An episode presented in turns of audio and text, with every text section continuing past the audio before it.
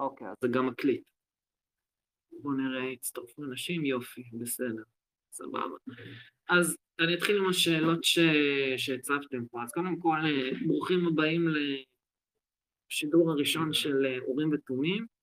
אה, כפי שראיתם כבר בימים האחרונים אנחנו עושים כל מיני live streaming, וקליינבאום שידר פה כמה וכמה פעמים. את השידור שלו מאתמול גם העלינו. לתוכנית שלו קוראים התקף לב, היא יותר עוסקת גם בענייני השעה, אה, וגם הרבה היסטוריה, והרבה מאוד מסביב, דברים מאוד מעניינים. התוכנית שלי תעסוק יותר בנושאים של החוות סודיות, שזה נושא שאני כותב עליו הרבה שנים, ושלא אה, עוזב אותי.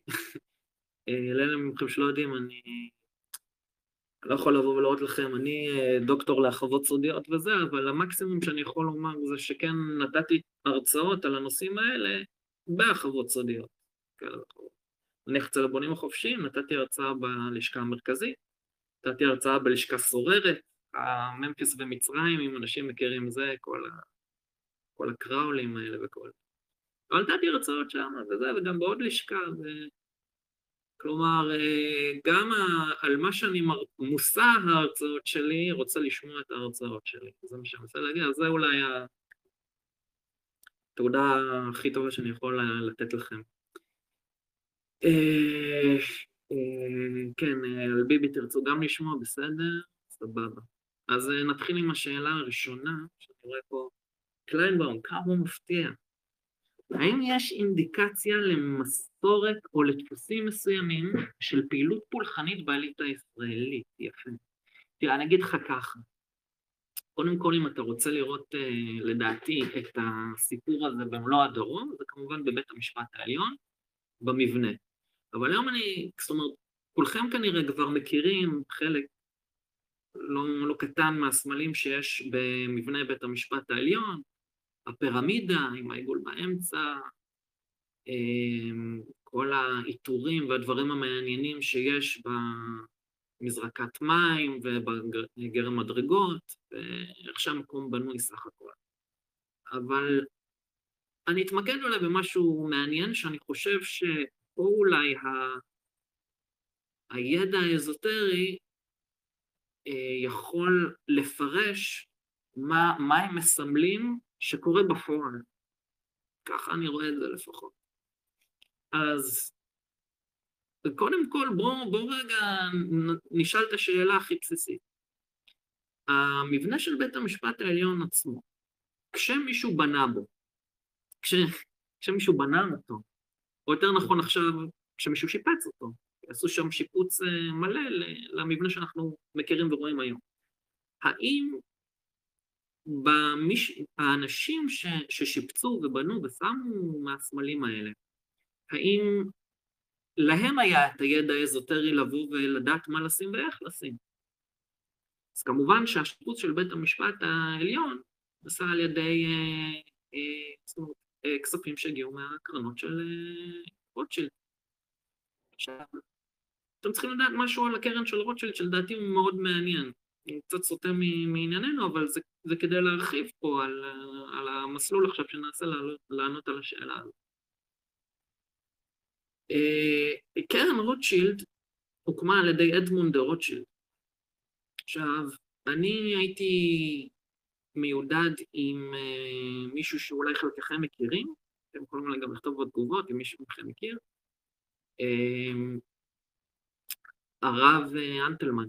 הרב אנטלמן כתב את הספר, באנגלית הוא נקרא To Eliminate the Opiate, ובעברית הוא, התרגום בעברית לא יצא, אבל הוא נתן לי עותק, קרא לזה להשמיד את האמונה הישראלית, וזה, To Eliminate the Opiate זה, זה מבוסס כמובן על האמרה של קרל מרקס להשמיד את ה...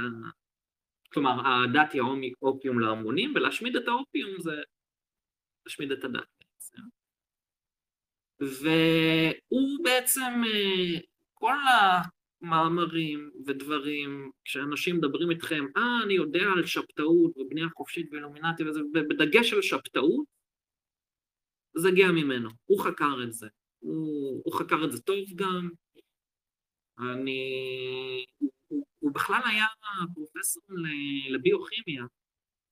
ואם הבנתי נכון את הטענה שלו, הוא מצא איזושהי תרופה גם לאיידס, שניסו להשתיק או משהו כזה, אבל הוא, הוא היה בן אדם מאוד מבריק. והוא חקר גם את הסיפור הזה של השבתאות והכל. ודיברתי איתו על קרן אה, של אדמונד דה רוטשילד, כי הוא דמות שנורא עניינה אותי, משהו בו היה, היה מעניין ביחס לשאר המשפחה. אד, אני מדבר ספציפית על אדמונד דה רוטשילד. עכשיו, אתם יכולים ללכת לראות באתר, יש אה, כתבה שלמה על, אה, על הקרן של אדמונד, יש שם, יש שם את כמה שם, שם, שמדברים על זה, אבל אה, הוא, בעוד שאר המשפחה הייתה שופכת כמויות של כספים על בעצם על היהדות הרפורמית, ממש ניפחה אותם והשקיעה בהם, אדמונד דה רוטשילד הושפע יותר מאנשי אה, חובי ציון. והוא בעצם מימן את ההתיישבויות הראשונות, לפני העליות הראשונות של המפאיניקים וכולם. וההתיישבויות שהוא מימן פה היו מאוד uh, אורתודוקסיות, מקומות כמו uh, ראש פינה, באר יעקב, כל מיני יישובים כאלה. וזה היה בתקופה גם שהתחילו להתיישב כל מיני אנשים של uh, תלמידי הגאון מווילנה.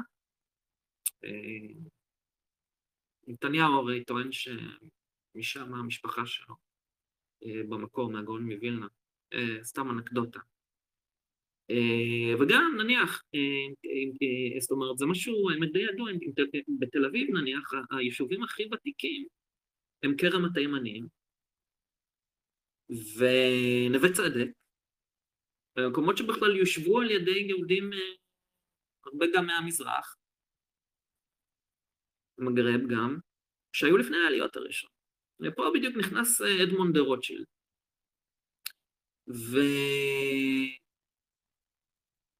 אמר לי אנטלמן, תשים לב לפעילות הפילנטרופית של אדמונד דה רוטשילד ביחס לשאר המשפחה, ובאמת הוא היה סורר שבמקום לממן את היהדות הרפורמית הוא מימן התיישבות ציונית אורתודוקסית בארץ. הוא אמר, מה שקרה עם הקרן שלו, הוא נתן את המשל של תינוקה של רוזמרי. זה נלקח ממנו.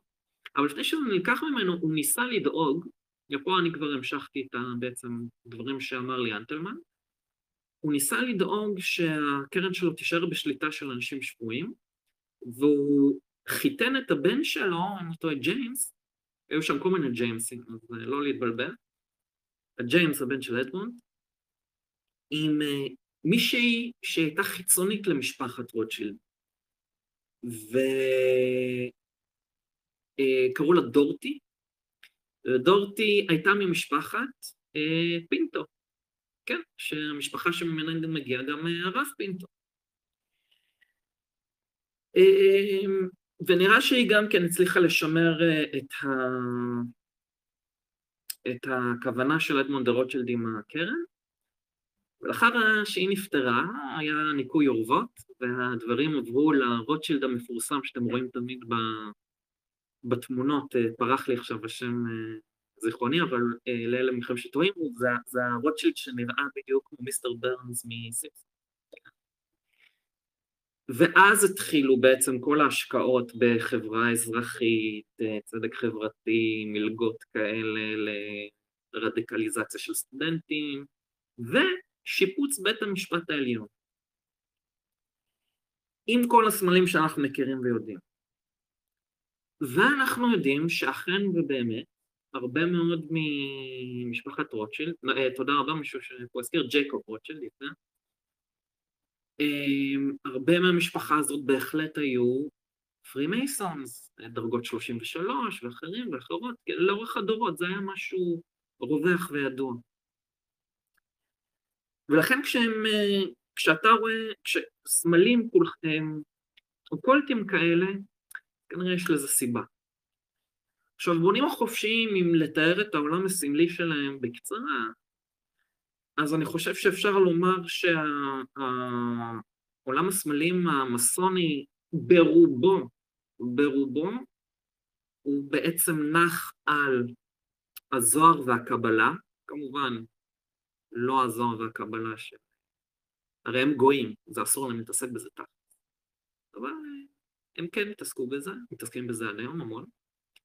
העולם הסמלי שלהם, השפה הסמלית שלהם מבוססת על הזוהר והקבלה, והיא מומחזת, כאילו, כלומר, הם, הם, הם מציירים את כל הסמלים האלה על ידי סמלים שקשורים בטמפלרים, וכמובן בית המקדש מן הסתם, הרי גם הטמפלרים מכונים האבירים של אה, מקדש שלמה.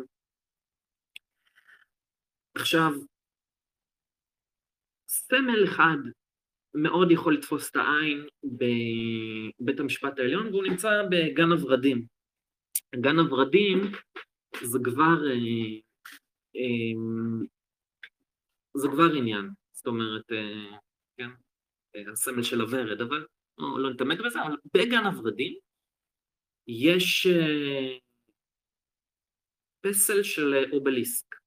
אז האובליסק, לאלה מכם שלא מכירים, זה כמובן הסמל שמגיע ממצרים, זה סמל פאלי. סמל של האיבר מין הגברי, הוא מסמל את האיבר מין של אוסיריס, האל אוסיריס, שהאיבר מין שלו נקרט והושלך לים, ובעצם מה שנקרא כוח היוצר נעלם. גם אצל היהודים יש בזה מן, הכוח היוצר, כשאם מתבוננים קצת בספר יצירה, זה כל ספר של ארבעה עמודים, אבל מאוד סתום מן סתם, וכן אתם יכולים לראות שם שיש שם אה, מין הקבלה כזאת בעצם למילה של הברית מילה של, ה... של האיבר היוצר, עם האיבר אה, שממלל אה, הלשון בעצם. כלומר, יכולת הדיבור היא בעצם הכוח היוצר, ובאמת האל בורא את העולם עם השפה. אבל בכל אופן, עבר המין, אם הולכים לעשרת הספירות בזוהר ובקבלה, הוא בעצם מה שמכונה ספירת היסוד. אמ, אז אה, זה הספירה אחת מתוך עשרת הספירות. אז אני אומר, בואו נעזוב רגע את כל עשרת הספירות, בואו שניה נתבונן ביסוד, ואנחנו נראה שמה ש... אחד מהעניינים, החשיבות שלו זה שהוא בעצם הספירה שמעברת או צריכה להגיע לזיווג עם ספירה נמוכה יותר שהיא נקראת ספירת המלכות. היא ספירה נקבית יותר, היא בעצם העולם או מה שמשפיע על העולם, כמו השכינה, דומה קצת. יכול להיות אותו דבר גם, אבל אני לא רוצה להגיד סתם. אה, ולכן ספירת היסוד היא צריכה להגיע לזיווג עם ספירת המלכות. ובגלל שספירת היסוד היא הזכרית, היא גם הדומיננטית, היא אקטיבית ודומיננטית, זאת שמכוננת את ספירת המלכות. מה מעניין? ספירת המלכות גם נקראת כנסת ישראל, כלומר בית המחוקקים שלה. וכנסת ישראל נבנתה גם כן על ידי אותה משפחה, משפחת רוטשילד. אז מה זה אומר? זה אומר שבמערכת היחסים בין בית המשפט, איפה שהאובליסק, ספירת היסוד נמצאת, וכנסת ישראל, איפה שבעצם המחוקקים הנבחרים נמצאים, במובן הזה מה שמנסים להגיד לנו בצורה אזוטרית, אמ, היסוד, אה, כן, הוא הדומיננטי פה, ובית המשפט יהיה הדומיננטי על המחוקקים. בשפה סמלית, בשפה של הספירות. אנחנו יכולים לראות שמי שבנו באמת אה, כנראה מעורים גם עם השפה האזוטרית הזאת. אז זה משהו קטן שאני יכול לזרוק לשאלה לגבי האם אה, יש איזה שהם, מה זה היה? אינדיקציה למוסדות או לדפוסים מסוימים של פעילות פולחנית באליטה הישראלית. זה נראה לי פעילות. פעילות פולחנית עכשיו, אתה בעצם שואל אותי, האם גם יש טקסים? שאלה טובה. אני יכול להגיד לך, נניח, על אחד האנשים שבעיניי הם כנראה מאוד חזקים בארץ שנמצאים בבית המשפט העליון, אז כמובן יש נניח בן אדם כמו עוזי פוגלמן, שהוא בוגר קרן וקסנר, ועליה דשנו ודיברנו הרבה, אבל קרן וקסנר אנחנו לא רואים בדיוק איזושהי פעילות פולחנית, שאנחנו יכולים לדעת בוודאות, מלבד מי שניהל ומימן וגיבה אותם במשך המון שנים, מה שהיה ג'פרי אפשטיין, יש הרבה גם מבנים פולחניים על האיש שלו, שקשה להתעלם מהם, אבל אנחנו עוד לא מדברים על טקסים.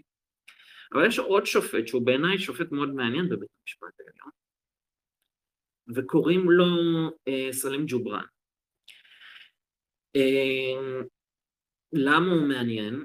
אז קודם כל, בגלל שהוא בונה חופשי, אה, אם אני לא טועה, אה, ראש לשכת אה, עכו. אבל, ושם כמובן יש פעילות פולחנית מן הסתם. אבל יותר מזה, אמ, הוא גם כן יושב ראש הוועדה המסננת של מלגת רודס. מה זה אומר? אה, אומר המון, אבל מה זה אומר? כמו שיש את מלגת וקסנר, שתופסת בפינצטה אנשים מסוימים, להכשיר אותה בהרווארד בתואר מיוחד למנהל ציבורי, ויש ועדה שמסננת, שבראשה עמד המון שנים אגב טומי לפיד, שהיה חבר מאוד טוב של משפחת מקסוול, שמשם מגיע גיליין מקסוול, חברה מדאם של אפשטיין בעצם, שהיום נמצאת במוקד החקירה. אה, כך גם זה בעצם התפקיד של סלים ג'ובראן כראש הוועדה שבוחרת את מי יקבל מלגת רודס, אבל מה זה מלגת רודס? גם פה אנחנו חוזרים למשפחת רוטשילד, בגלל שמלגת רודס היא מלגה שהיא חלק מצוואה שהשאיר ססיל רודס, הקולוניאליסט הידוע מהמאה ה-19. אה, אין מה להתרגש, הוא והקבוצה שלו דווקא היו די סוציאליסטים. אה,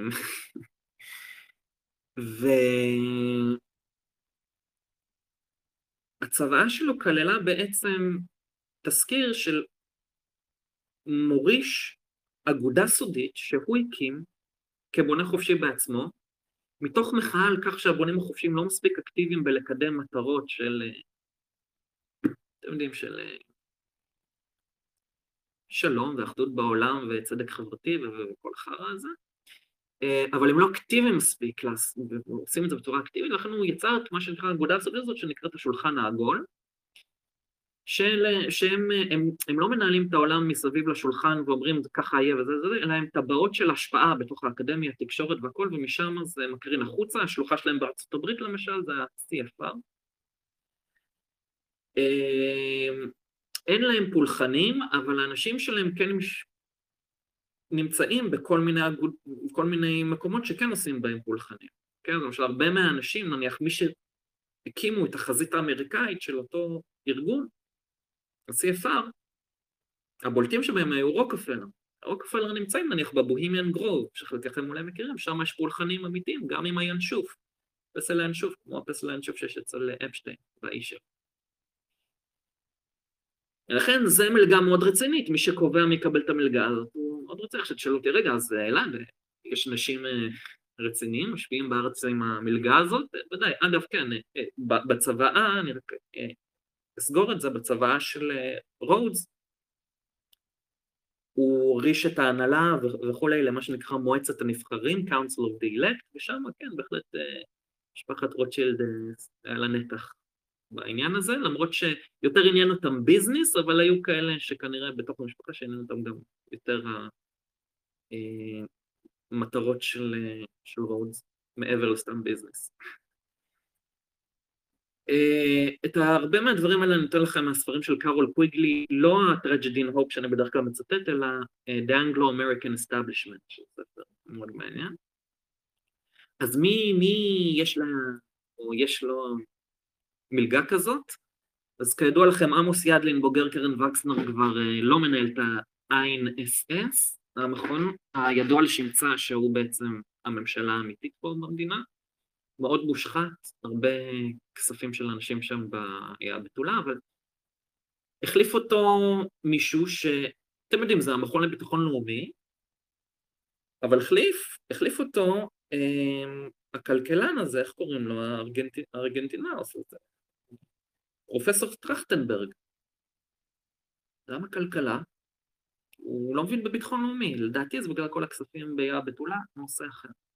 אשתו עברה הכשרה בכלכלה בהרווארד אצל לארי סאמרס, שמאוד מעורב בכל העניין הזה של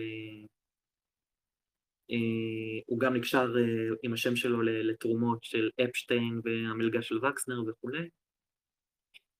והיא למדה אצלו בעצם כלכלה, הוא לימד אותה, זה היה הסיפור. וכנראה ש... ו... והיא בעלת מלגת רודס. השערה שלי היא זאת שלובשת את המכנסיים בבית, וזאת הסיבה שבחרו את בעלה לנהל את אה, המכון מחקר ביטחון לאומי. מי נתן לה את המלגה?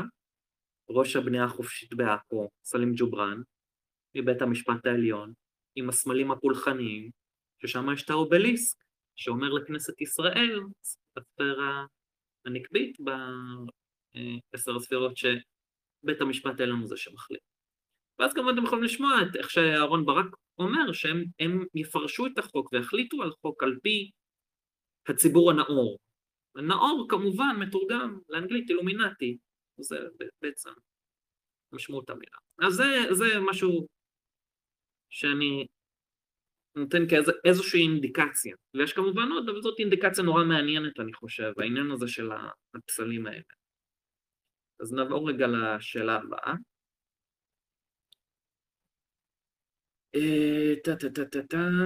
האם יש שיתוף פעולה או יריבות בין החוות הסודיות למיניהם, ומי בראש הפירמידה במידה ויש היררכיה כלשהי?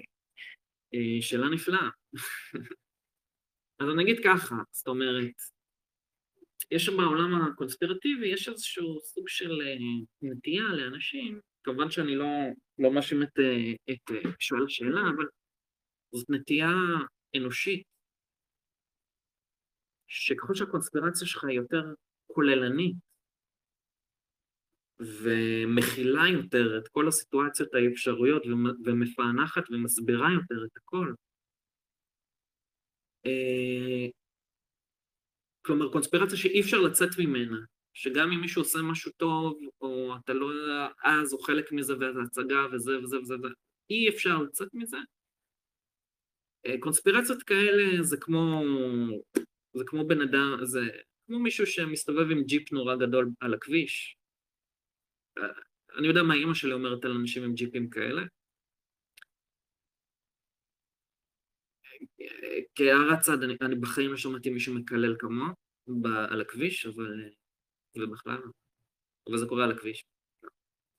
אבל לענייננו, אה, והסיבה שהשאלה הזאת כל כך טובה, כי היא מכירה מסוגלת להכיר במורכבויות שיכולים להיות.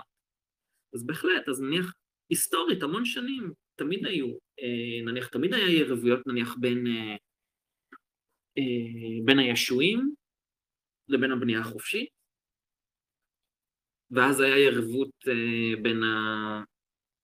בין האילומינטי לישועים, והרבה לפני היה יריבות בין החוות צלב הוורד לישועים כשצלב הוורד רק קמו, אבל אז פתאום שניהם התאחדו נגד האילומינטי, וכולי וכולי וכולי וכולי, וגם יש יריבויות בין, בתוך הבונים החופשיים עצמם, יש אילומינטי ויש בונים חופשיים, יש, אה, יש לא מעט, אבל בואו נדבר על ימינו אולי, זה יהיה הכי מעניין.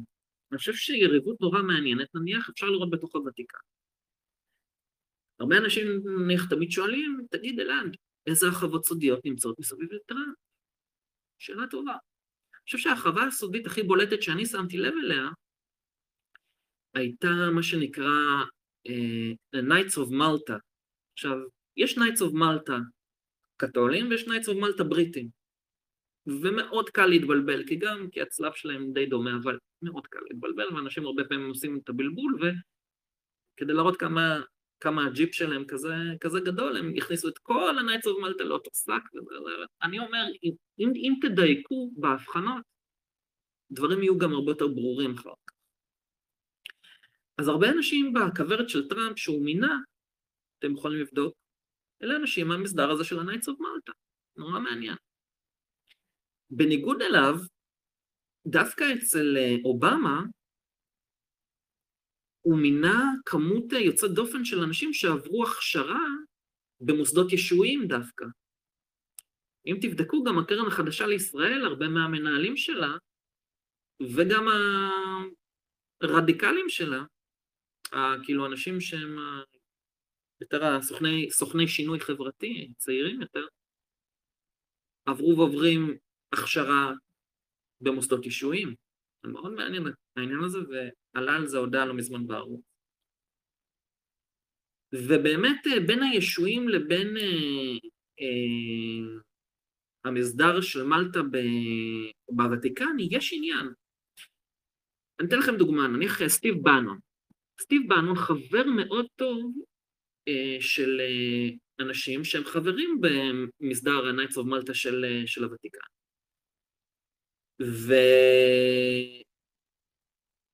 ובתקופה הזאת באמת ש... שהם התקרבו, הם לסטיב בנון והוא אליהם, הם תמיד אתגרו את ההגמוניה של הוותיקן, בכל מיני דברים, נניח אה, אה, הם חשבו שהאפיפיור, אה, משהו כזה, היה יותר מדי מתירני בלאפשר נניח אמצעי מניעה או דברים כאלה, והם התחילו להיכנס בו, ממש תככים בתוך הוותיקן. וזה לא מקרי שזה הגיע מתוך ה-Knights of. הישועים למשל,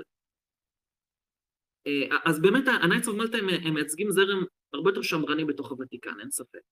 הישועים הם זרם מרקסיסטי מהפכני, משהו מפחיד, זאת אומרת, היה בשנות ה-60 של המאה הקודמת, של המאה ה-20, מה שנקרא ועידת הוותיקן 2. ועידת הוותיקן 2, הם בעצם, הם, אני יודע, הם, הם רעננו הרבה מאוד מ... מ הערכים וה, והיסודות ש, שהוותיקן בא, עומד עליהם ובא לקדם, ואחד הדברים ש, שהם עיגנו שם היה תיאולוגיה מאוד מעניינת שפיתחו הישועים, שנקראת תיאולוגיית השחרור, באנגלית Liberation Theology, והיא אומרת שישו היה מרקסיסט, מהפכן, אה, קומוניסט, שבעצם הנצרות והברית החדשה בעצם מטיפים לקומוניזם עוד הרבה לפני שהיה קומוניזם בעולם, אה, תקדים לזה אצל הישועים היה כנראה בסביבות המאה ה-17 בפרגוואי, שהם הקימו כל מיני קומונות ניסיוניות קומוניסטיות שמאוד השפיעו על רוסו בצרפת, הרבה אחרי. ואגב, רוסו התחנך אצל הישועים, זה גם משהו מעניין. אה, בימינו, זאת אומרת, בתקופה שלנו ובעשורים האחרונים, כמויות המלחמות אזרחים ומהפכות אה, אלימות וכמויות ההרוגים והמתים, כתוצאה מהתיאולוגיה הזאת, שתומכים בה אנשים כמו, שתמכו בה, הוגו צ'אבס, פידל קסטרו, לא מקרי, כל המרקסיזם הזה, זה נשען על הכוח הקתולי של הישועים בדרום אמריקה. אבל פתאום בא לשם יוחנן פאולוס השני, שהוא לא בדיוק היה הישועי, ויום אחד ממש עשה להם, חבר'ה, נו נו נו, מה אתם עושים פה? אני לא זוכר אם זה היה ב... זה היה, יכול שזה היה בפרגוואי או בצ'ילה או משהו כזה, אבל הוא בא ואמר, חבר'ה, אתם תרגיעו עם התיאולוגיית השחרור הזה, זה, זה... אתם מגזימים. וזה סוג של כל מיני כוחות כאלה בתוך הוותיקן נורא מעניינים, אוקיי? אה, הבנייה החופשית והקתולים נניח. אם אתם מכירים במורכבות הזאת של היריבות שלהם, אתם תפענחו מיד את רצח קנדי. למה? כי, ואני שמתי את זה באתר, אני הייתי אוסף מאי-ביי אמ, ירחונים של הנוסח הסקוטי בבנייה החופשי מארצות הברית משנות החמישים, שישים. עניין אותי מה הם כתבו. גם בתקופות האלה, והסיבה שגם מהתקופות האלה, כי זה מה שיש באי ביד שנייה, אתה יכול להשיג לקרוא בכיף. והיה משהו שחזר על עצמו, היו כל מיני דברים שחזרו על עצמו, אבל משהו אחד נורא מעניין שחזר על עצמו היה שהם אה, אמרו שהם מאוד חוששים שיהיה אה, יותר מדי השפעה של קתולים בעמדות מפתח בארצות הברית, בטח ובטח שיהיה נשיא קתולי. שזה מעניין, אם אני לא טועה, תבדקו אותי, ביידן הוא כתוב. בכל אופן. אה, אבל פחדו מיותר מדי השפעה. למה? הם אמרו, תסתכלו על דרום אמריקה, ותסתכלו על אמריקה. אמריקה יותר פרוטסטנטית, דרום אמריקה יותר קתולית. אמריקה משגשגת, דרום אמריקה שיטון. וכנראה יש קשר. ולכן אנחנו צריכים לדאוג, לא אומרים בדיוק איך, לבלום מגמות שבהן קתולים משתלטים על יותר מדי עמדות מפתח בממשל ובארצות הברית. ואז מגיעה משפחת קנדי, משפחה קתולית, עם הנשיא קנדי, ועם האח קנדי, ואחד סנטור, ואחד בבית המשפט העליון, ואבא זה, ונוצרת שם שושלת קתולית עם הרבה מאוד כוח. ועוד דבר שהם אמרו שיכול להיות בעייתי זה שהרי הקתולי מאמין שהאפיפיור הוא מה שנקרא אינפולבילי, הוא לא יכול לטעות. אז זאת אומרת, השאלה היא למי הוא יהיה יותר נאמן, לאמריקה או לאפיפיור? ואז מגיע הרצח. אוקיי. הרצח התבצע ממול הלשכה הראשונה שהוקמה אי פעם בטקסס של הבנייה החופשית, מול האובליסק שמסמל, מה שאמרתי קודם, את האיבר מין של אוסייריס, בעצם את מותו של האל, מותו של המלך, ברחוב שהמכוניות עוברות בו כמו באיזושהי פירמידה כתומה, לא כתומה בצבע, אלא כתומה עם קוף, כן? פירמידה בלי המשהו כתומה. ושלוש יריות בחזה, בגרון ובראש, כן? ה-back into the left, back into the left, כן? אלה שלושת המקומות שבהם פגעו בחירם הביף רב הבנאים של הבנייה החופשית כשרצחו אותו, בחניכה שעובר כל בונה חופשי בכניסה שלו אל האחר. והם עשו את זה מול האובליסק, ברחוב של הפירמידה. אוקיי, נראה שהיה פה משהו פולחני. מי היה יושב ראש הוועדת חקירה?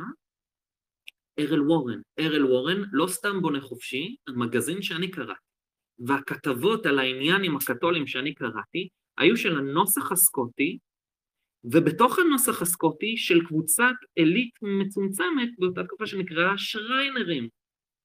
ואכן, ארל וורן הוא בדיוק שריינר. כלומר, כנראה טיוח. מי ירש את uh, קנדי? Uh, לינדון ג'ונסון. הוא לא קתולי. מה הוא? הוא היה בונה חופשי. ויש עוד. לא, אם היה עולה לי עכשיו ברצף זה זה, אבל בוודאות יש עוד. אה, קנדי עצמו היה חבר במסדר קתולי שנקרא אבירי קולומבוס, שהוא, אם הבנתי נכון, די מיודד עם אבירי מלטה.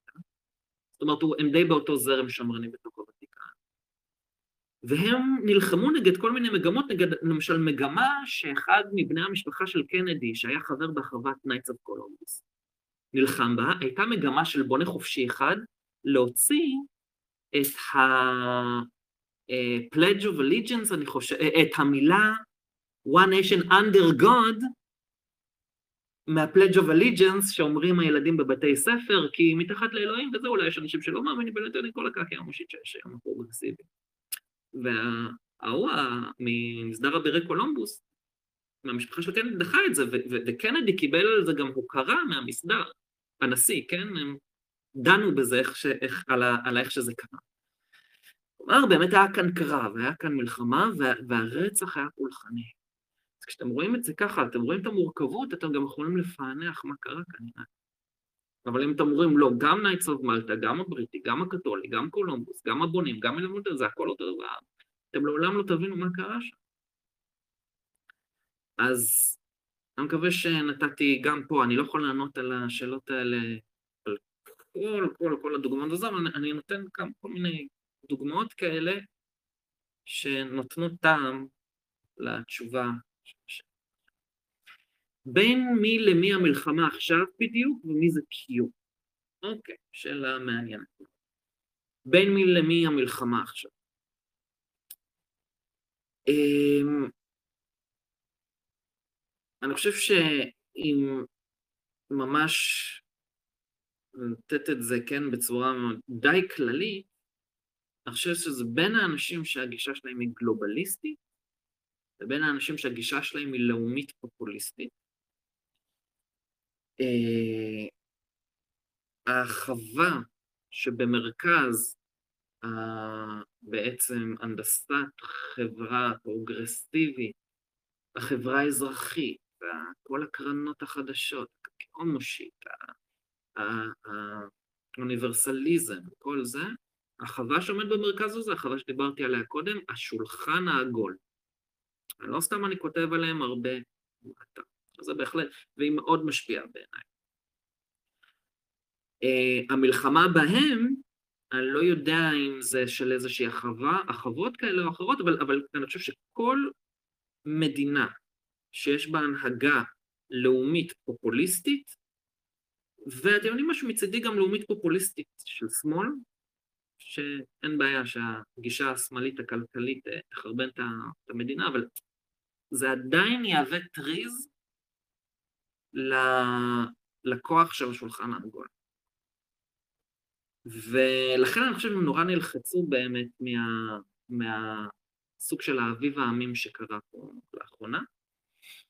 ולאורך השנים היה מלחמה דומה אה, בין כל מיני, זאת אומרת בין שתי אגודות עיקריות, שאחת תמיד הייתה אוניברסלית, וניסתה לקדם את האוניברסליזם, ואחת הייתה יותר באמת לאומית פופוליסטית.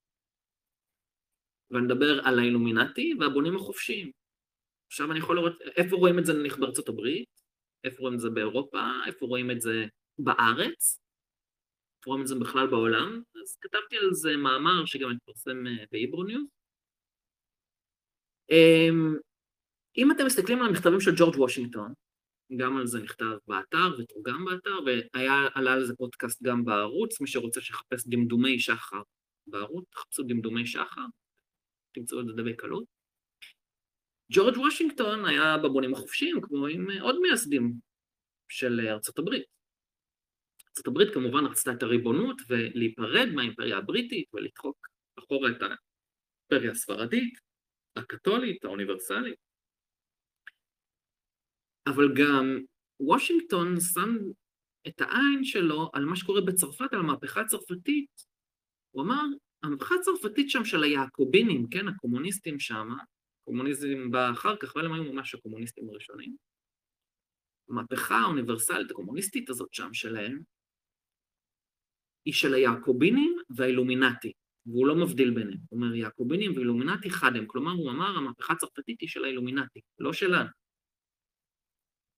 והוא עונה במכתב ששואלים אותי, תגיד, האילומינטי חדרו, אה, חדרו לבונים חופשיים בארצות הברית כמו שהם עשו באירופה? אז הוא אמר, אה, לא.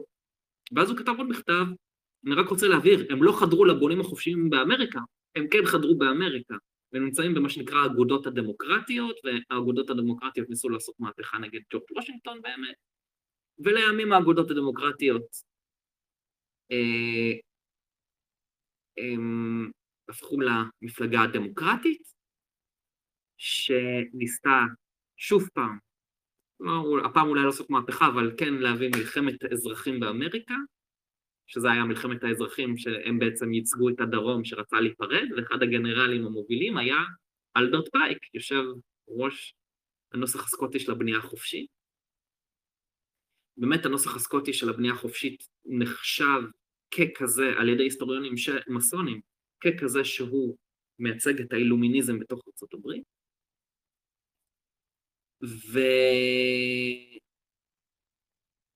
וזה משהו שהאבות המייסדים לא אהבו, האבות המייסדים המסונים. עכשיו, באירופה היו לכם אנשים כמו מנציני וגריבלדי, ואנשים שהיו מאחורי, אה, כן, כל הקבוצות, אה, כן, אה, גרמניה הצעירה, איטליה הצעירה, וכולי וכולי וכל אלה, ולכם את הקבוצות היותר רדיקליות, אוניברסליות, שיצאו מהיעקובינים של המהפכה הצרפתית, כל מיני קרבונרי כאלה, אה, של, של קבוצות שבאמת הם הגיעו מהמעגלים של האילומינטי, של וייסר.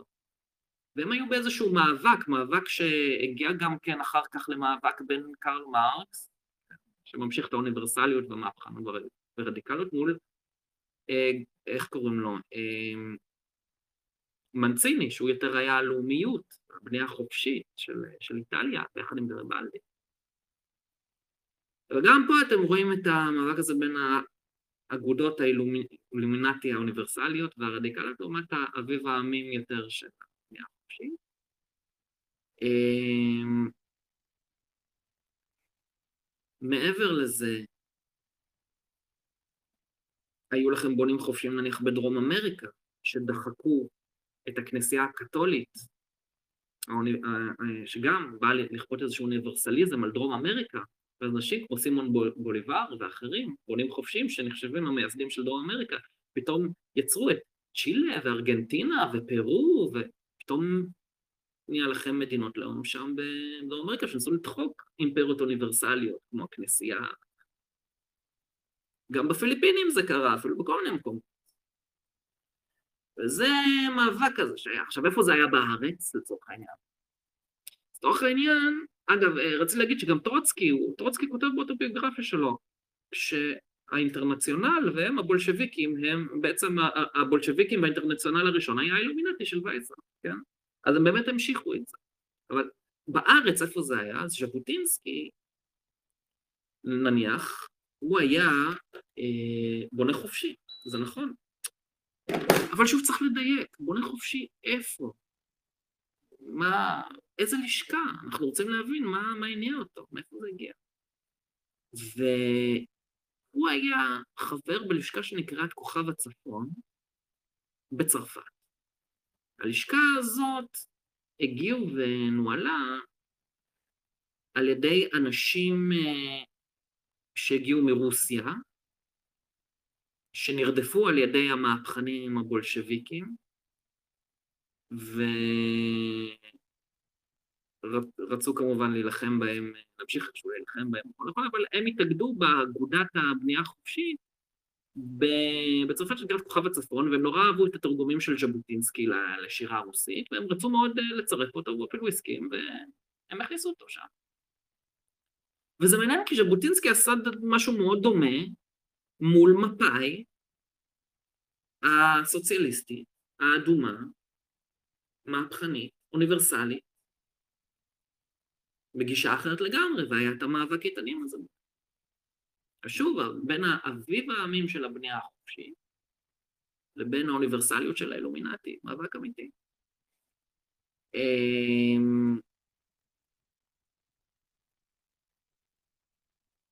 אם מעניין אתכם לגבי, אה, אפילו להעמיק את זה עוד יותר, יש יסודות פולחניים מעניינים של המפא"י בטורקיה, איפה שבעצם השבתאות, אה, שמשם השבתאות הגיעה.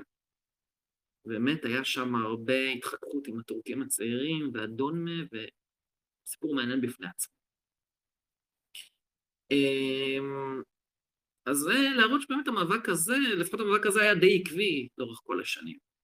היום אפשר אולי לראות את המאבק הזה, נניח, אז מי יש לנו שמייצג בעצם... אה, אה אגב, אמ, שכחתי לומר, אה, המפא"יניקים מאוד שיתפו פעולה בעצם עם הבריטים,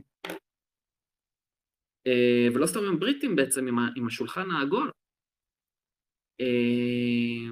אה, גם על זה נכתב באתר, והיו להם, הם היו סוחטים שלהם חלק, נניח טדי קולה, היה סוכן של, של הבריטים, שהלך להלשין על, כן, אנשים מהצד של ז'בוטינסקי שעשו להם בעיות, השם קוד שלו, אם לא טועה, סקורפיון.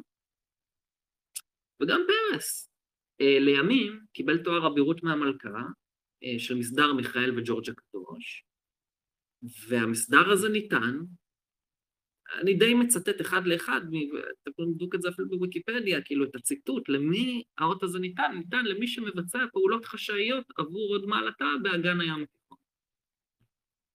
נזכיר קצת. אמ, השולחן העגול מאוד מאוד אה, חיבבו, מחבבים את האוניברסליות הזאת של הזרם הרדיקלי הזה. וכמו שאמרתי, פחות אוהבים את הצד הלאומי-פופוליסטי. בימינו, אז נניח, זה למה אגב, הם, חלקם היו גם מאוד, כי לא היה להם בעיה לשתף פעולה עם קומוניסטים, לא עם אלה שבארץ וגם לא עם הסובייטים, אם צריך, הקשרים הענפים של רוקפלר ואחרים. זה מאוד דומה לקשרים שיש היום לאליטות האלה עם סין. אז אם סין היה מייצגת, אז מי מייצג את האוניברסליות הזאת? זה איפשהו אולי סין, עם הארגונים הבינלאומיים שהיא שולטת בהם. אולי הידוע ביותר כמובן בימינו, זה ארגון הבריאות הבינלאומי. דוגמה, אוקיי, להיום, איפה אפשר אולי לראות את המאבק הזה? של הזרמים. עכשיו אני לאו דווקא אולי מדבר על איזה שם קרובות, אבל זה הוביל אותי לשאלה אחרת. נניח לגבי החיסונים. אז הארגונים הבינלאומיים הנשלטים על ידי סין, כמו ארגון הבריאות הבינלאומי, אומר, הסכנה הכי גדולה עם החיסונים זה לאומנות חיסונית. מדינות שדואגות קודם לעצמם, ולא למצב שאנחנו מפזרים את כל החיסונים בכל העולם בו זמנית, שכולנו נצא מזה ביחד, מסכנים את כולנו, אנחנו נשאר בזה. זה מה שהארגונים הבינלאומיים הנשלטים על ידי סין טוענים. בד בבד, אגב, עם כל גל של קורונה, יש המון דיסאינפורמציה על דברים כמו 5G וחיסונים, שמתועדים ומגיעים מסין, הם תמיד כמובן מטרגטים פשוט מאוד את ה-5G של AT&T או האמריקאי וזה, ואת החיסונים של פייזר ומודרנה. בה ועת, אפריקה, דרום אמריקה ואחרים רואים את כל דיסאינפורמציה הזאת, וזה כבר קורה בימינו, אתם יכולים בהחלט אה, לקרוא על זה. אה, הם נמנעים מלקחת את החיסונים ואת ה-5G של ארצות הברית, ולעומת זאת אומרים, אה, בואו סין, תנו לנו את החיסונים שלכם, רוסיה, תנו לנו את הספוטניק, ונפרוס את ה-5G של וואוי. כלומר, מלבד השימוש בנשק ביולוגי לא קונבנציונלי במלחמה הקרה, שכבר לא כזאת קרה לדעתי, שקורית עכשיו עם סין, יש גם את הנשק של הדיסאינפורמציה. והראשון לפרוס בכמה שיותר מקומות 5G ולצאת מקורונה, הוא זה שיהיה לו את העליונות המעצמתית לעשורים הקרובים, חד וחלק. לכן הקורונה, אני חושב עבור חלק מהאליטות, זה סוג של קטליזטור להאיץ את התהליכים שבהם, כמו שהפורום הכלכלי העולמי אומר, סין תחליף את אמריקה כהגמוניה שלטת.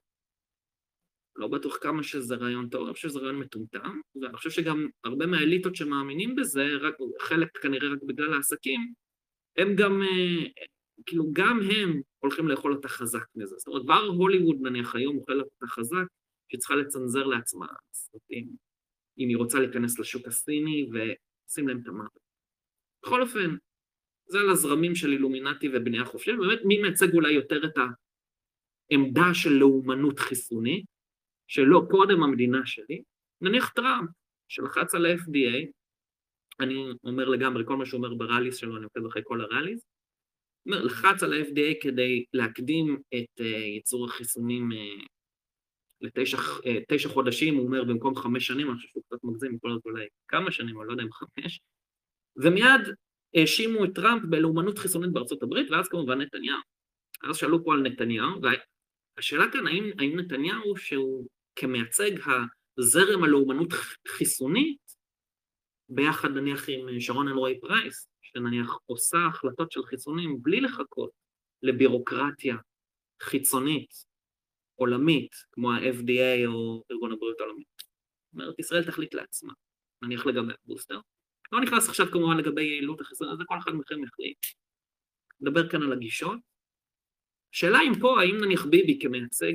קודם כל טראמפ אמרתי, הוא אה, סובב את עצמו עם הרבה אנשים מה-Nights of Malta הקתולי, אבל זה חלש יותר, אבל, אבל ביבי עצמו נניח, האם הוא, יש לו קשר לבנייה החופשית? כן. כן. אמ, אני שמעתי עדות מאדם שנתן לי כאילו עדות ראשונית, אוקיי? זאת אומרת, ראשונית זה, זה לא אומר, אה, זה לא אומר שהוא היה בלשכה בטקס נתניהו וזה, אבל שהוא בונה חופשי, שיודע, זאת אומרת, בוודאות, אבל לא קיבלתי יותר פרטים, חוץ מאולי איזושהי דרגה של משהו בין ה-20 ל-25 משהו כזה. ואז אולי באמת זה, האם הזרם פה של ההרחבה, של, של כן, לאומיות פופוליסטית, הוא גם כן משפיע על תפיסת העולם בחיסונים, של לאומנות חיסונים מול אוניברסליות חיסונית? מעניין. כן, סין הקומוניסטית, מרקס, אדם וייסות, וכו', לאומנות חיסונית, כן, אביב העמים כביכול. עכשיו, נתניהו לקח את זה ארדקור יותר מטראמפ, כי הוא אפילו לא סתם, הוא... ואני אעבור לשאלה הבאה באמת שראיתי על נתניהו. שהוא אמר, שהוא אפילו אמר, אני אפילו יקים פה מפעל חיסונים, להתכונן לעידן החיסונים, ובאותו נשימה גם אמר, אמר בנאום שהוא דיבר על הרעיון הזה של המפעל חיסונים, שהוא אמר, אנחנו בעידן המגפות, ואנחנו כרגע עם החיסונים שהבאתי וזה וכולי וכולי, יוצאים ממלחמת העולם, מלחמת עולם הקורונה. מלחמת עולם? אני חושב שבאמת אנחנו במלחמת עולם, כמו שאמרתי קודם, עם שימוש בנשק ביולוגי לא קונבנציונלי שיצא ממעבדה בסין, שיש בה שליטה רבה של הצבא, של המפלגה הסינית, ושכמו שאמרתי לכם, קורה פה מרוץ חימוש בכל העולם, מי פורס ראשון 5G ויוצא מזה ו- ומוכר את החיסונים שלו לשאר העולם וכולי. וכדי להתכונן לעידן הזה של מלחמות שיכול להיות שימשיכו להיות מלחמות עם וריאנטים ועם עוד נגיפים, שלכו תדעו מה הסינים שם עושים, אם יש להם עכשיו מידע גנטי של אנשים ממדינות שונות, מ... אה, כן, קבוצות אתניות מסוימת, גם יכולים להתאים נשק ביולוגי לאנשים מסוימים, לקבוצות מסוימת. אז הוא ראה בזה, כנראה, אם אני מבין נכון, לא מסתמך על ארגון הבריאות העולמי, לא כלום, לא, אנחנו בונים את מפעל החיסונים פה ואנחנו, אה, כן, כמו שהוא הראייה שלו לגבי הטרור, כן, לא, לא מסתמכים על אף אחד אלא על עצמנו. לאומיות, כן, לאומיות פופוליסטית. זאת אומרת, פופוליסטי זה לא דבר רע, לאו דווקא, כן. זה פשוט הדרך שבה אתה מנגיש את, ה, את הרעיון שלך, הרטוריקה שלך. וגם זה סוג של אומנות, וכמובן זה יכול לשמש להשחתה או למשהו רע, אבל אני חושב שטראמפ נניח הוא רב אומן בפופוליזם. אז זה היה ענק גם קצת לגבי נתניהו, אני אספר עוד קצת על נתניהו, מה שאני מספר בדרך כלל זה, יש עליו שלושה טענות. אה, אחד הוא חבר בספר, שתיים הוא חבר בבונים החופשיים, שלוש, הוא רשום בארצות הברית בכמה שמות שונים, מסקנה הוא סוכן CIA. בואו נבדוק את זה. אז על הבנייה החופשית, אמרתי לכם, נראה שכן. בואו נבדוק רגע CFR. הטענה הזאת, כל מי שטוען את הטענה הזאת, טוען אותה מאותו מקום. תבדקו אותי. לכו בשרשרת המקומות שמפיצים את הטענה הזאת, אתם תגיעו תמיד לאותו אתר, תמיד. אתר שנקרא mega.nu.2/8000, משהו כזה, כמעט כמעט לגמרי משהו כזה. ושם אתם רואים רשימה טקסטואלית, לא מסמך, לא מסמך מצולם, רשימה טקסטואלית עצומה של כל מיני אנשים שטוענים שהם ב-CFR. אוקיי, בואו נראה מאיפה הוציאו את הטקסט הזה. זה מעניין, רוצה לדעת מה המקור. אם אני יכול להוכיח את זה, זכיתי. אז אני הולך למקורות של האתר, אני רואה הסבר. ליד כל שם יש איזשהו סימן או מספר שמפנה אותך לאיזה, מאיזה מסמך זה נלקח. ומה שהם עשו, הם סרקו באתר את כל המסמכים האלה, ועל ידי מה שנקרא NLP, אה, אה, Natural Language Processing, אה, למי שמבין קצת במחשבים, מסוגלים להוציא את כל השמות מהמסמכים האלה, כי בכל זאת אנשים לא ישבו עכשיו, יעברו דף דף ויתקתקו, אלא המחשב יבוא, ירוץ על המסמך, אה, על המסמכים, זה יכול להיות גם אגב צילום, כל עוד זה הודפס, כן? אתה יכול להכניס את הצילום, לפרש אותו לטקסט, ואז בתוך הטקסט עם NLP לחפש שמות. ואז הם יצרו את כל הרשימת שמות האלה. אז הלכתי, מה הסימן שיש ליד נתניהו, לצורך העניין? 83, משהו כזה, 83? איזה שנה, או 87, שנה כזאת, 87. אז מה 87 אומר? 87 אומר שזה נלקח מרשימת החברים ב-CFR מספר מה זה היה? annual report, הדוח השנתי של ה-CFR לשנת 87. מעולה, בואו נראה אם אני יכול למצוא אותו. נכנסתי לאתר, האתר, באתר של ה-CFR הם מגיעים רק עד שנת 1990. אמרתי, אני לא רוצה לעצור כאן, אני בכל זאת, אני רוצה, רוצה להשיג את המסמך איכשהו. מה עשיתי? שלחתי אימייל ל-CFR. הם ענו לי, כמובן אמרתי להם, תשמעו, באתר שלכם יש רק עד שנת 90, אני רוצה את הדוח של 87, אני רוצה לראות מה יש פה, שלחו לי. אגב, העליתי את הצילומים אחר כך. אמ, שלחו לי אימייל, האמת, אחרי יום-יומיים, ממש מהר, די מהר. אה, אחלה שירות יש להם שם. אוקיי, אני עובר, ויש שם איזה כמה עמודים על פאנלים שנעשו ב-CFR, ואז יש את הרשימה של כל החברים באותה שנה ה-CFR. אוקיי. עברתי על, על הרשימה כמובן, אה, רשימה, רשימה אלפביתית, אז עברתי, בדקתי בנג'מין, בדקתי נתניהו, לא מופיע. וגם הגיוני, כי כדי להיות חבר ב-CFR אתה חייב להיות אזרח אמריקאי, אבל אז אמרתי, כן, אבל בכל זאת הוא רשום שם בכמה שמות, והוא כן גר שם, אולי בכל זאת. אז אמרתי, אבל בכל זאת, אם הוא לא ברשימה של השמות של החברים, אז למה הוציאו אותו מהמשחק?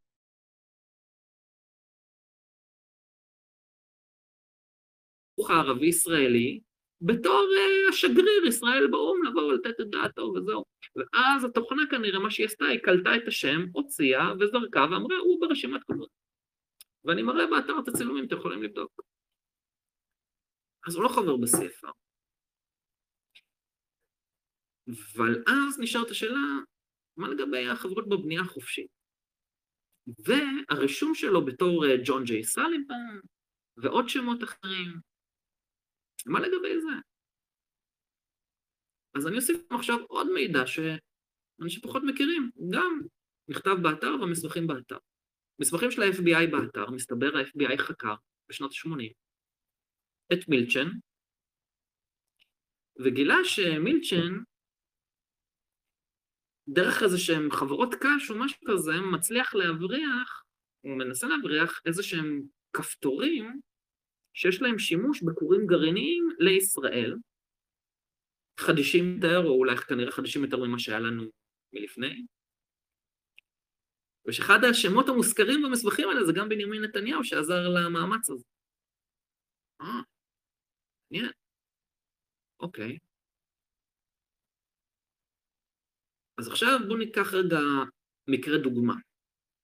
יש עוד בונה חופשי, נורא מעניין, קוראים לו אלי כהן. אלי כהן היה המרגל האגדי שלנו בסוריה.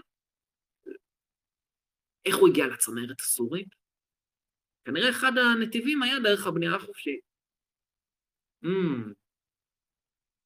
אוקיי, הוא נכנס בבנייה החופשית במצרים, ואז דרך המעגלים שם, בסוריה הצליח להגיע לצמרת. אוקיי. אז יכול להיות שנתניהו, דרך הבונים החופשיים, דרך רישום השמות השונה, בעצם עזר למוסד להבריח ציוד עבור הכור הגרעיני בישראל. סברה, אפשרות שאני מעלה שנראית לי קצת יותר סבירה מזה שהוא סוכן CIA. אז זה היה לגבי נתניהו. עוד מישהו שאל, אה, כן, מי זה Q? אני לא יודע, האמת שאף אחד לא ממש יודע. אני אזרוק לך דבר אחד.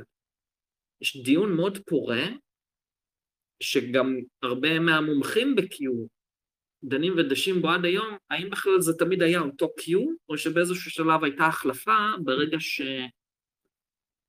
שהתחלף, אה, הרי Q עבר מפורום 4chan לפורום 8chan ואז לפורום 8קום. ויש אנשים שגורסים, כמו נניח ג'ון קורסי, ואנשים שניהלו פור, את הפורום שבו הוא היה ב-8chan, שאחד מהם טוען שהוא ראה שה-IP שונים, מגיעים פתאום מאותו מקור ולא ממקורות שונים כמו קודם, ואז, ו- ושגם ניתוח טקסטואלי מראה שהוא כותב קצת שונה, יכול להיות שהיה פה החלפה באמצע, על Q אני ארחיב אולי בפרק שמוקדש רק לזה, כן? אני מאוד מאוד צריך לקרוא מאמר שלי על זה ש... למה אני חושב ש-Q זה לא כשר קונספירטיבי. אמ, זה תוכלו למצוא בערוץ Q והעבודה הזרה של Q, משהו כזה, תחפשו, אם, אם לא תמצאו תגידו, אני אשלח לכם. ונראה לי יש לנו זמן לעוד שאלה אחת, כי אני רואה שכבר עובר שעה, ואני מקווה שאתם אה, לא נרדמים לי. בואו רגע רק נראה אם יש פה עוד אנשים. כן, 26 איש, די, סבבה. Uh, האם זה אובר? כן, כן, it's over, אחי. Uh, שירת הבלפור. או, uh, oh, רגע, רגע, שאלה. בקשר לכתבה ישנה של איילה חסון על דירת הפולחן שנחשפה בערוץ 11, על איזו כת לדעתך מדובר? והאם לדעתך מדובר בפעילות ילדותית, או שמדובר בחבורה מבוגרים רציניים לחלוטין? זה כמובן פרפרזה, או לא בדיוק פרפרזה, בדיוק הדברים שאיילה חסון אומרת, אין מדובר בפעילות ילדותית, אלא בעניין רציני לחלוטין, והיא אומרת שחלק מהטקסים שם היו אגב הקזות דם עם חרבות, בדומה קצת לחג האשור השיעי.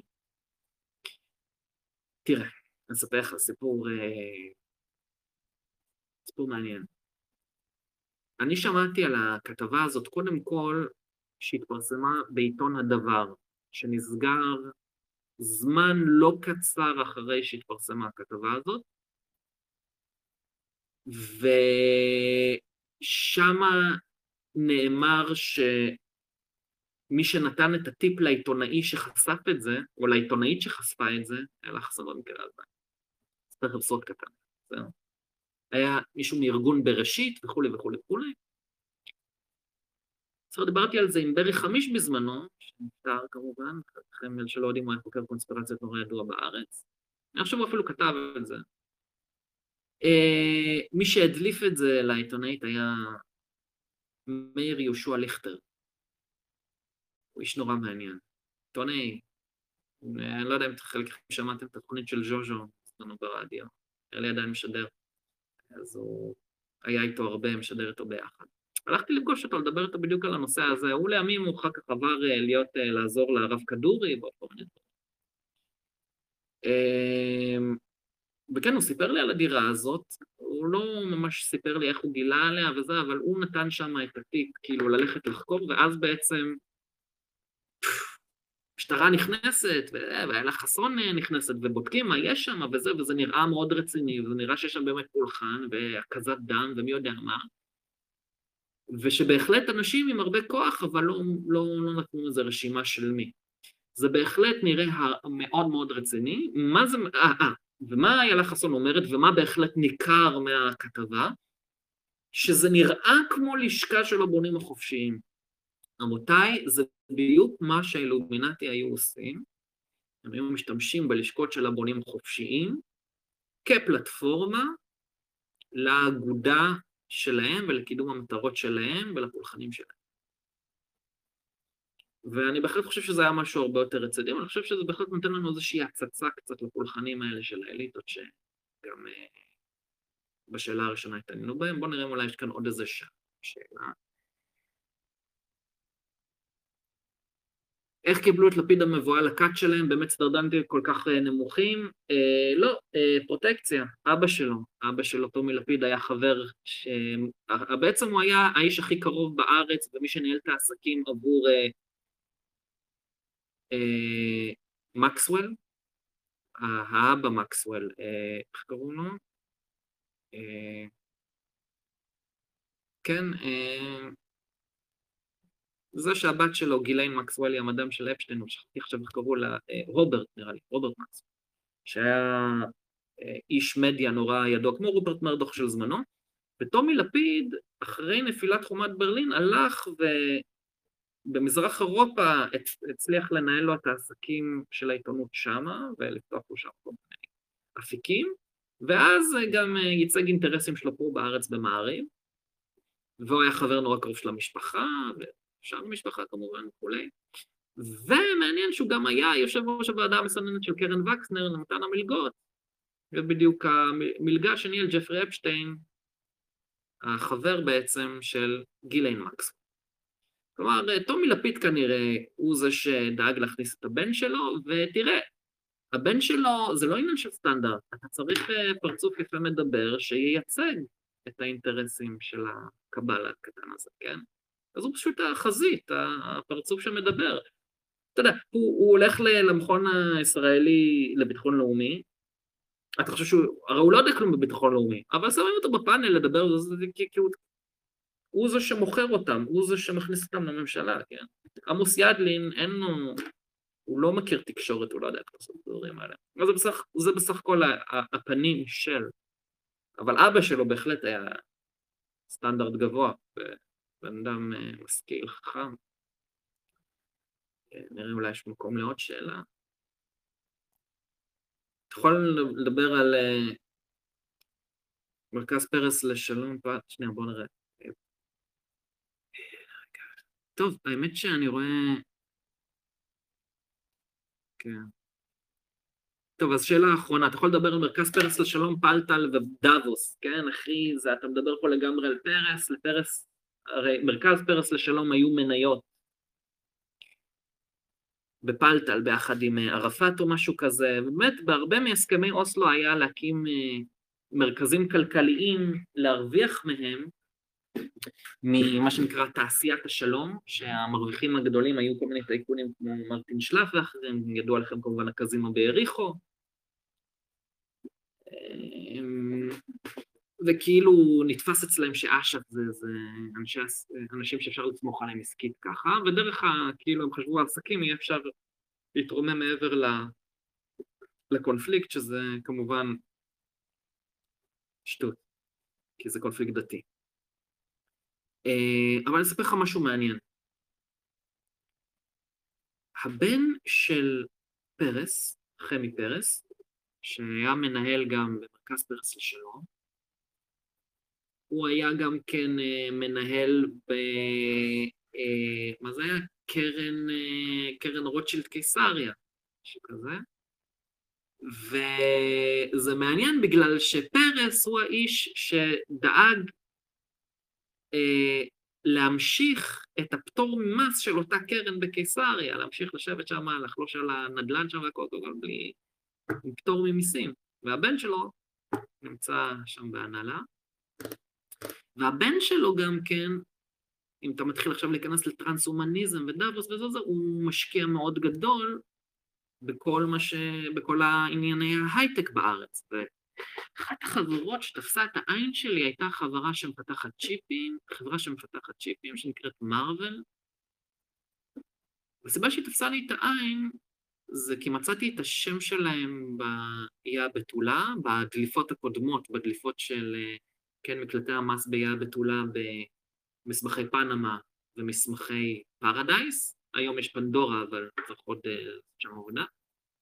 ושם מרוויל מי שניהל אותה היה מנהל בבנק הכספים הנזילים של ג'פרי אפשטיין ביד בתולה.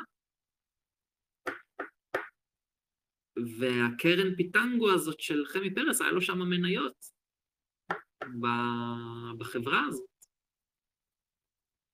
אז זה מעניין, כי כנראה מה שג'פרי אפשטיין עשה בגדול, ושלא אתנדף, הוא, הוא בעצם היה מנהל כספים של האליטות. וזה כנראה אפילו היה משהו לא פחות רציני מהעניין של כנראה הסחיטה לכאורה אה, והסכסוך בקטינה. אה, ומי שרוצה להעמיק בזה, כנראה הוא החליף את התפקיד של מרק ריץ' גלנקו. מי שרוצה יכול לחפש קונספיל, מרק ריץ', ג'פר אפשטיין, או את המילה קונספיליקס, או ויקיליקס, קונספיליקס, אני באמת חושב שזה הדבר הכי רציני שאי פעם כתבתי עליו, הרבה יותר מכל האפשטיין וכל זה שאהוד ברק אני חושב שזה... מקווה שמתישהו יגיע להבשלה, כי אני חושב שכבר נאסף מספיק חומר. הוא כמובן הוא, הוא, הוא מופץ בצורה מאוד גולמית, אבל החומר הוא מאוד מעניין, אני חושב שהוא אפילו חד משמעי במובן. אני מקווה שזה יגיע להבשלה מתישהו, וזה אולי היום, אני חושב שהשידור הראשון הסתיים בהצלחה, אתם יכולים להכין שאלות להבא, גם על חוות סודיות, ידע אזוטרי, על כימיה, כל מיני דברים כאלה, פרשנות לסרטונים של דיסני, כן, כן, בכיף. אתם יכולים להכין אותם גם מראש. אז אה, זהו להיום, אני חושב שאני אסיים את השידור. תסתכל רגע, כן, בסדר גמור. אז אה, שיהיה לילה טוב ונתראות בינתיים.